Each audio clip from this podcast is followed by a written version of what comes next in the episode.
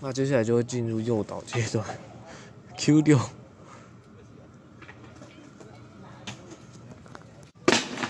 你希望您的利率降了多少啊？啊，说 A 趴啊什么的，这样一趴吧，最好是不要有。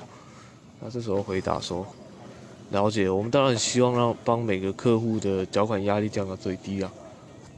那就算是我，我也不想要，因为我现在其实也有在付机车贷嘛。那我当然也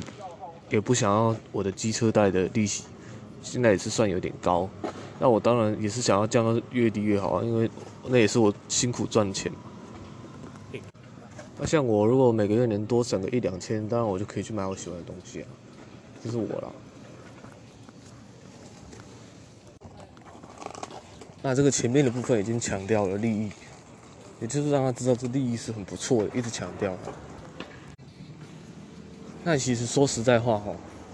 呃，我们这边电访部门要查也查不到您的信用卡真实是多少，因为很多人其实也不太确定，他可能会说个呃两万三吧之类的。那其实呃可能有一些人不太清楚，他会给一个大概，但是其实我们就是那其实他们最后去呃完全确认以后。真正降息以后，才发现它其实是缴两万二或两万一，甚至可能两万多而已。那这个部分我们也都是从宽了，因为现在疫情，我们就是先做一个基本口头确认，这哎大概是在呃一万五到两万多的区间，代表你是有在使用信用卡的部分而已。但这个部分却是非常重要的，因为它就是会影响到您现在的利率是可以降到可能最低一趴。之类的，对啊，所以我们这边就是简单的去跟大家确认，民众确认说是大概有两万多一点点哦，这样子。因为大部分的民众都不会把保费和一些日常消费算进去，所以当然就不会到两万多，但其实它算进去就可以到。OK，那我们这边其实也因为个资法也不能实际去调阅您的信用卡的。到底是缴多少？对，那大家也都不太确定他们到底是缴多少，所以其实，那其实很多民众问了，结果到最后那个降息的时候，发现哎，怎么差了五千？甚至有一些根本就是完全给的不太一样。那我们这边，我们也是只是单纯就领信用卡。他两万其实就是说，哎，你有在使用信用卡这样，那不是说，哎，您一定要缴到什么两万零一块钱这样，它只是一个在使用信用卡的，呃，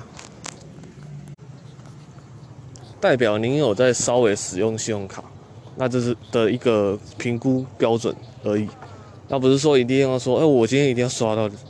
两万零一块钱，我才能说，哎，我有啊，很多民众都不太确定的，其实。对啊，而我们这边个资法，除非您是要办一些什么信贷，我们才能够去调阅，然后不然我们其实也无从得知啊。因为说真的，这些东西也是蛮复杂的，我自己也觉得很烦。那很多民众到底连自己缴一万五、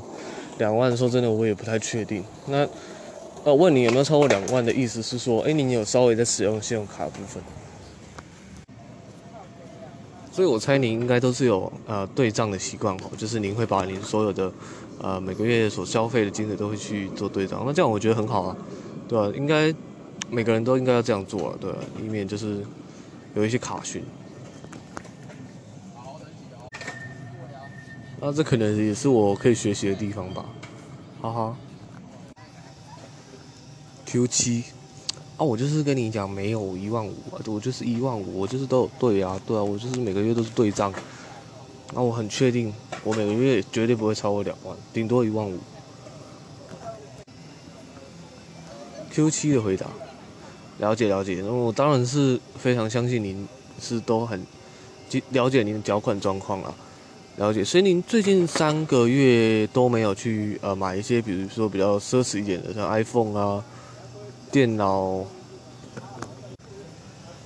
iPhone 电子产品，呃，或一些衣服，